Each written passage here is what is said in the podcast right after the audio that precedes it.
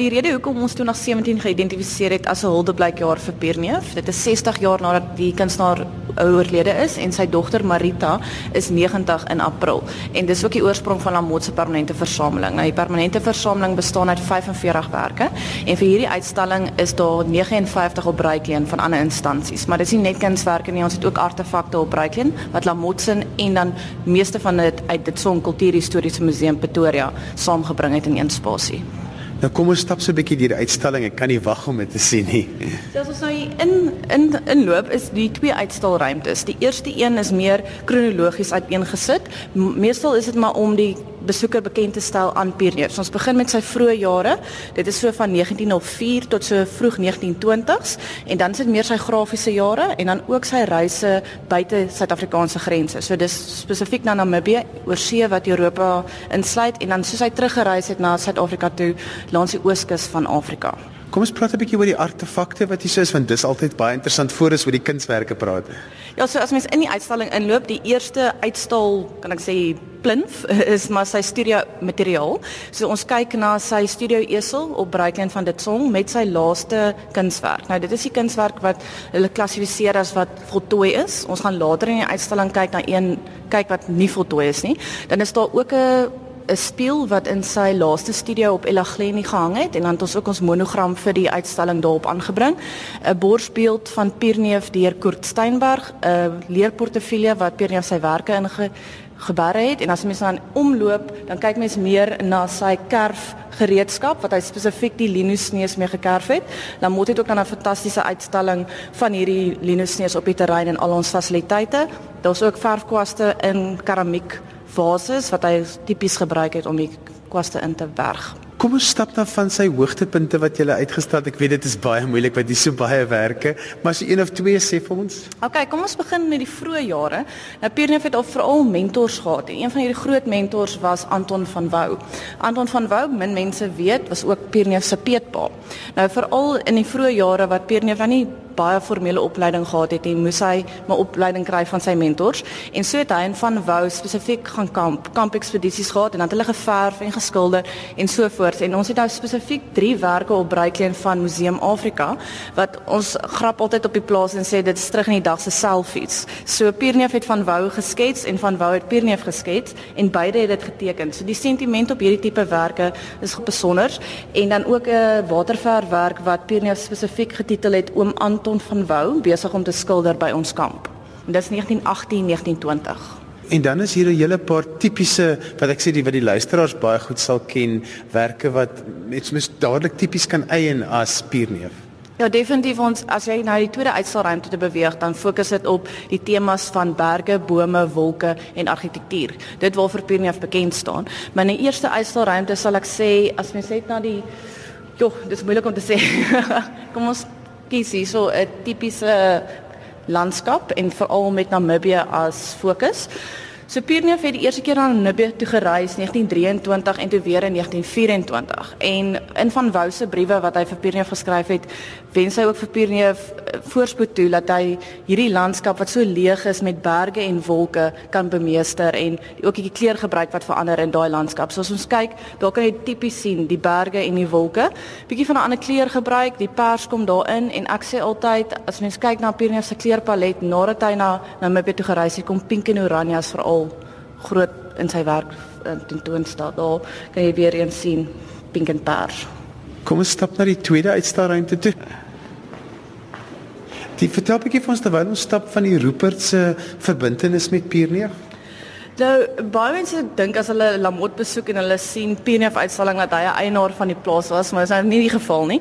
Die liefde vir Pierneef kom af van Dr Rupert en Huberta Rupert af terug in die dag. Hulle het van 1940s af kuns versamel vir al Suid-Afrikaanse kuns.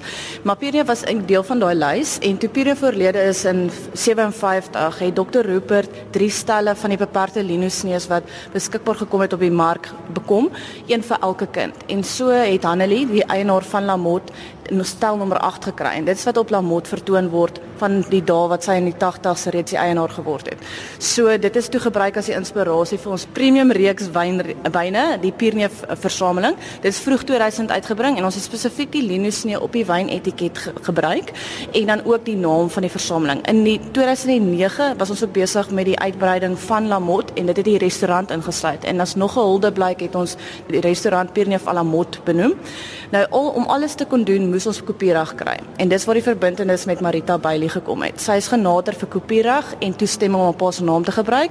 Sy het gesê dit is 'n fantastiese idee en so het 'n vriendskap tussen haar en Hanelie Rupert en Hein Koeglenberg ook begin. En so het Lamotte Museum die geleentheid gehad om die eintlik 42werke in 2009 te kan bekom. Ons is nou hier in die tweede uitstaalruimte Hier kom die pierneefs nou wat ek ken. ja, hierdie is nou as jy nou altyd die eerste een is meer om kennis te maak en dan die tweede een is nie kronologies nie, maar dis meer die verkenning van Suid-Afrika en dis hoekom vir jou so bekend lyk. Weereens die bome, die berge, die wolke en die argitektuur. Nou as ons hier begin, is dit veral die kan ek sê die berge fokus en veral Kaapse landskaptonele wat ons gekies het om Pierneef so naas moontlik aan Lamotte te bring natuurlik. So die eerste een hier is uit Lamotte se versameling uit. So ook sien Lamotte se versameling word geassosieer of vergesel met 'n QR-kode. So dit is om meer te lees en ook om die kunswerk te verbind met Linus Snees in Lamotte se versameling. So sodra mens hom skandeer, dan kry jy toegang tot Linus Snees wat bind tot die spesifieke werk of tema. Net langs kyk jy na tweeling pieke, baie mooi werk, pink en groen kom hier na vore. En dan Simonsberg, dis net om die draai. As mens kyk na Pierneef en al sy die meeste van sy werke wat mens nou kan kry in versamelings, die naaste wat ons hom kon kry aan Lamotte is um Babylonstorm, Boschendal en Lormeraal. En dan is Pierneef was nou bekend vir baie spesifieke fases waardeur hy gegaan het in sy werk. Hoe kom dit in die uitstalling na vore? Ja, die fases is moeilik. Pierneef is nou nie 'n kunstenaar wat vir net vir 10 jaar 'n spesifieke styl gehad het, hy het maar tussenin gewissel.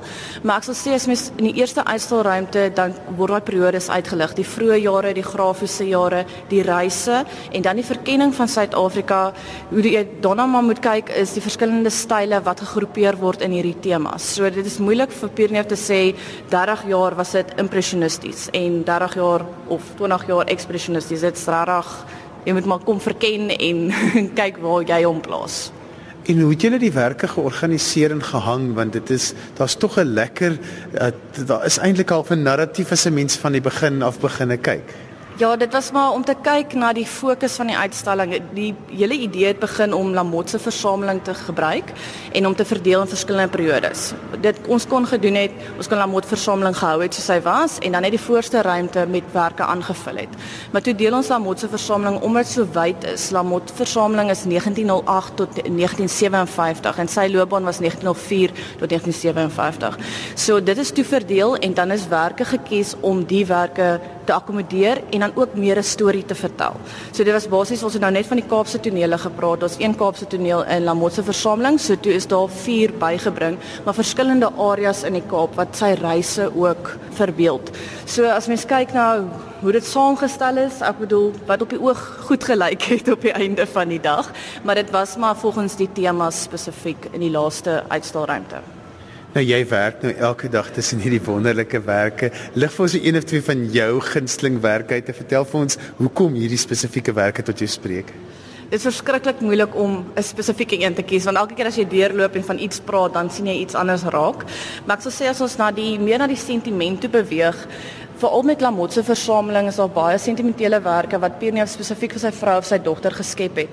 En as ons na hierdie uitstalling spasie net hier voor ons kyk met memorabilia, toe Pierre verloof geraak het aan sy tweede vrou, die bekende mevrou Pierre of my Pierre 1924, was dit maar die moeilike jare vir vir 'n kunstenaar wat nou besluit het hy gaan voltyds kunstenaar wees en so het hy blou megallies geskep as 'n verlovingsgeskenk vir sy vrou. So mense kan dit sien en dan het hy ook in die 30's vir Marita Bailey, sy dogter, twee natuurlandskappe van die Karoo geskep en vir haar pophuis.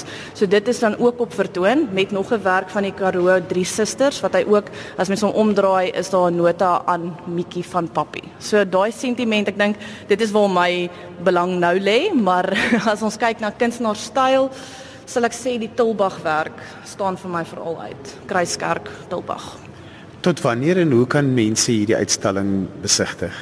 So die uitstalling hardloop vir die hele 2017 tot en met 3 Januarie 2018 en die museum is oop Dinsdae tot Sondag 9 tot 5 en dat ons ook op Dinsdae 'n nuwe ervaring ingebring. Dit is die Pierneef ervaring. So dit begin om 10:30. Dit sluit in 'n uur rondleiding saam met my, dan om die Pierneef wyne te ervaar en dan ook 'n Pierneef geïnspireerde kaasbord wat deur die Pierneef Alamot restaurant voorgesit word. So dit kan op bespreking gedoen word Dinsdagoggend 10:30 teen R250 per persoon.